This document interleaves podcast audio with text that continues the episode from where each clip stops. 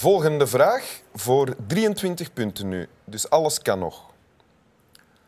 Wat is een pandemonium? A. Spraakverwarring, zoals in het gesprek liep niet vlot vanwege het pandemonium. B. Een groep papegaaien, zoals in kijk, daar vliegt een pandemonium. Of C.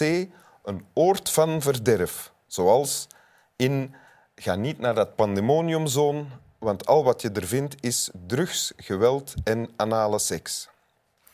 A, B of C? Wat denkt u dat het is? Nee, ik denk uh, spraakverwarring. Fout, het is B. En eh, serieus? Een groep papegaaien is een pandemonium. Welkom in Winteruur, Ben Wijd. Dat nogthans moeten weten als minister van Dierenwelzijn. Ah ja, eigenlijk wel. En zelfs bevoegd ook voor, uh, voor de zoo. Ja, en maar... Plankenmaal. Ik weet niet of dat wij daar een pandemonium dan hebben, maar... Ja, dat weet ik ook niet. Ah, uh, checken. Maar ja, we zijn niet echt een papegaaienland, ook niet, hè? Toch? Uh, of in elk geval niet letterlijk. U gaat nogal snel naar de politiek. Ik, ben, maar ik, ben, ik heb u nog niet geïntroduceerd. Ik wil laten zien ah, dat ik weet wat, wat al uw bevoegdheden zijn. U bent Vlaams minister van uh, Mobiliteit, Openbare Werken, Toerisme, Dierenwelzijn en Vlaamse Rand. Heel goed. Voilà. Ja. En u hebt een tekst meegebracht. Inderdaad, ik heb een, een tekstje meegebracht dat er een beetje mee verpand houdt. Zal ik dat voorlezen? Ja, graag. De Vlamingen willen niet meer dan wat andere volkeren zonder strijd hebben gekregen. Een plekje waar ze volgens hun eigen aard en hun tradities kunnen leven en gelukkig zijn. Waarom heeft het de Vlamingen al zoveel moeite en strijd gekost om te krijgen wat gewoon een recht is? Dat kun je niet begrijpen zonder naar het verleden te gaan kijken. Uit de geschiedenis leer je het verhaal van je volk. Dat is vaak een triest verhaal, maar we moeten er een happy end aan maken. En dit komt uit een jeugdboek? Ja, het is alleszins bestemd voor, uh, voor de jeugd. Ja. Vertel eens wat over Vlaanderen van Cyril Verleijen. Het is wel, uh, dat zie je ook wat van, uh, ik denk, het zal jaren 70 ongeveer geweest zijn. Hebt u het gelezen toen u een jongetje was? Ik heb het gelezen toen ik een jaar of tien was, ja. ja. En ik heb dat ja, op een verkeerd moment in mijn handen gekregen. En dat is voor mij, omdat me vroeg, ja, wat is voor jou een belangrijk boek? Uh, ja, voor mij is dat natuurlijk het uh, begin geweest van heel mijn politiek engagement.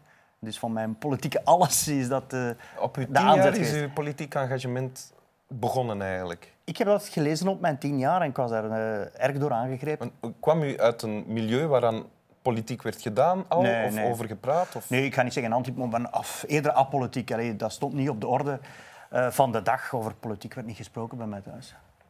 Mm ook niet erg was, maar uh, het, was, het was gewoon geen, geen issue. Nee. En dan, ik, ik las wel de, de, krant, maar vooral sportbladzijden. En dan begin je een beetje meer de, de, de eerdere pagina's die daaraan vooraf gaan, begin je te lezen. En ja. zo wordt dan eigenlijk ook een vervolgverhaal, dat je, waardoor dat je ook wat gepassioneerd raakt. En dit is dan uiteindelijk de aanleiding geweest om veel meer met politiek dat te gaan volgen en daar... Uh, u daaromtrent te gaan informeren. En zo. Want, want wat staat hier eigenlijk? Daar hebben we het nog niet over gehad in dit fragment. Wel, het boek gaat, beschrijft eigenlijk de emancipatorische strijd van Vlaanderen. De Vlaamse beweging, eigenlijk ook het onrecht dat uh, ons, onze voorouders toch wel wat is aangedaan. Ja. Dat zij tweederangsburgers waren, dat ze niet tegenstaande dat Vlamingen altijd dan toch een meerderheid zijn geweest in hun eigen land.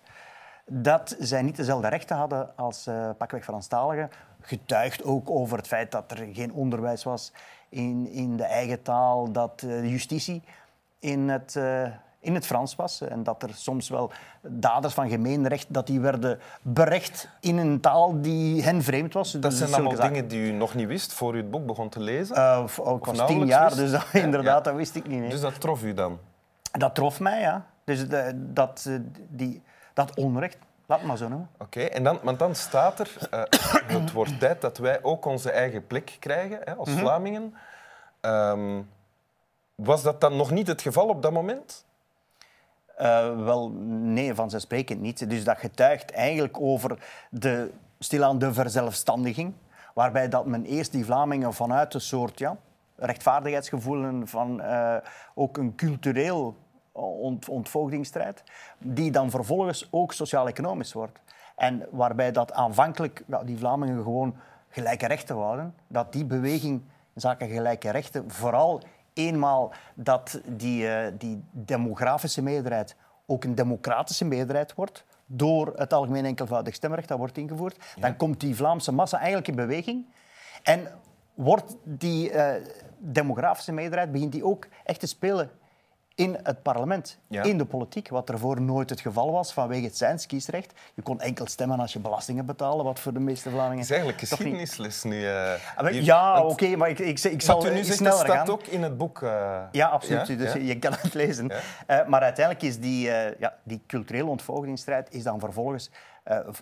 emancipatorische ontvolgingsstrijd is dan gekomen tot een zelfstandigheidsbeweging, zoals wij die vandaag ook bij de NVA aanhangen, waarbij wij streven naar uh, een confederale invulling, dat we eigenlijk heel eenvoudig zeggen, ja, let op al die communautaire tegenstellingen in dit land, Vlamingen versus Franstaligen, kan je niet gewoon oplossen door elke, uh, elk volk zijn eigen verantwoordelijkheid te geven en de mogelijkheid te geven zijn eigen problemen te kunnen aanpakken met zijn eigen oplossingen, met zijn eigen stenten. Dat hebben we nog niet genoeg volgens u dan?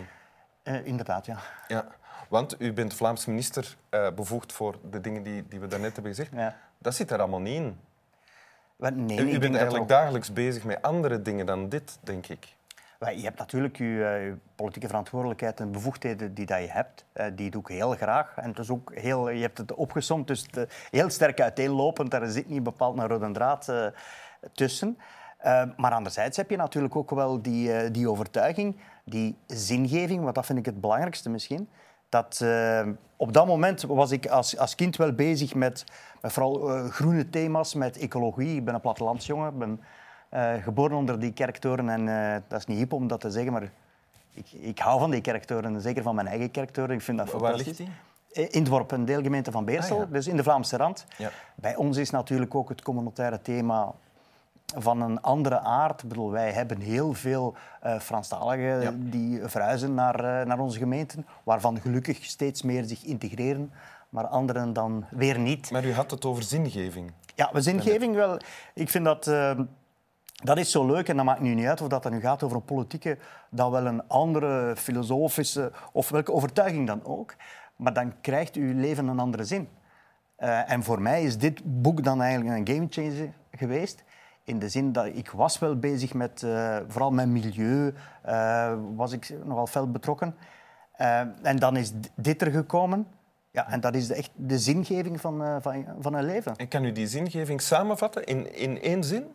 Ja, dit is gewoon een overtuiging waarbij dat je een bepaald ideaal nastreeft en tracht zoveel mogelijk van dat ideaal te realiseren. Moeilijker is dat niet. Oké. Maar dat kan zowel politiek als iets, als iets anders zijn. En dat is verrijkend, denk ik, voor een, voor een mens. Mm -hmm. Wil je nog iets lezen? Ik wil nog, Ik zal nog eens lezen.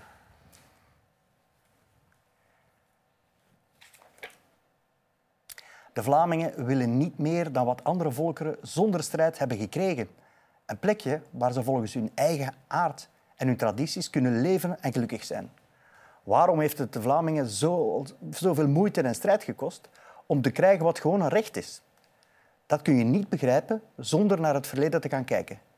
Uit de geschiedenis leer je het verhaal van je volk. Dat is vaak een triest verhaal, maar we moeten er een happy end aan maken. Dank u. Slap wel.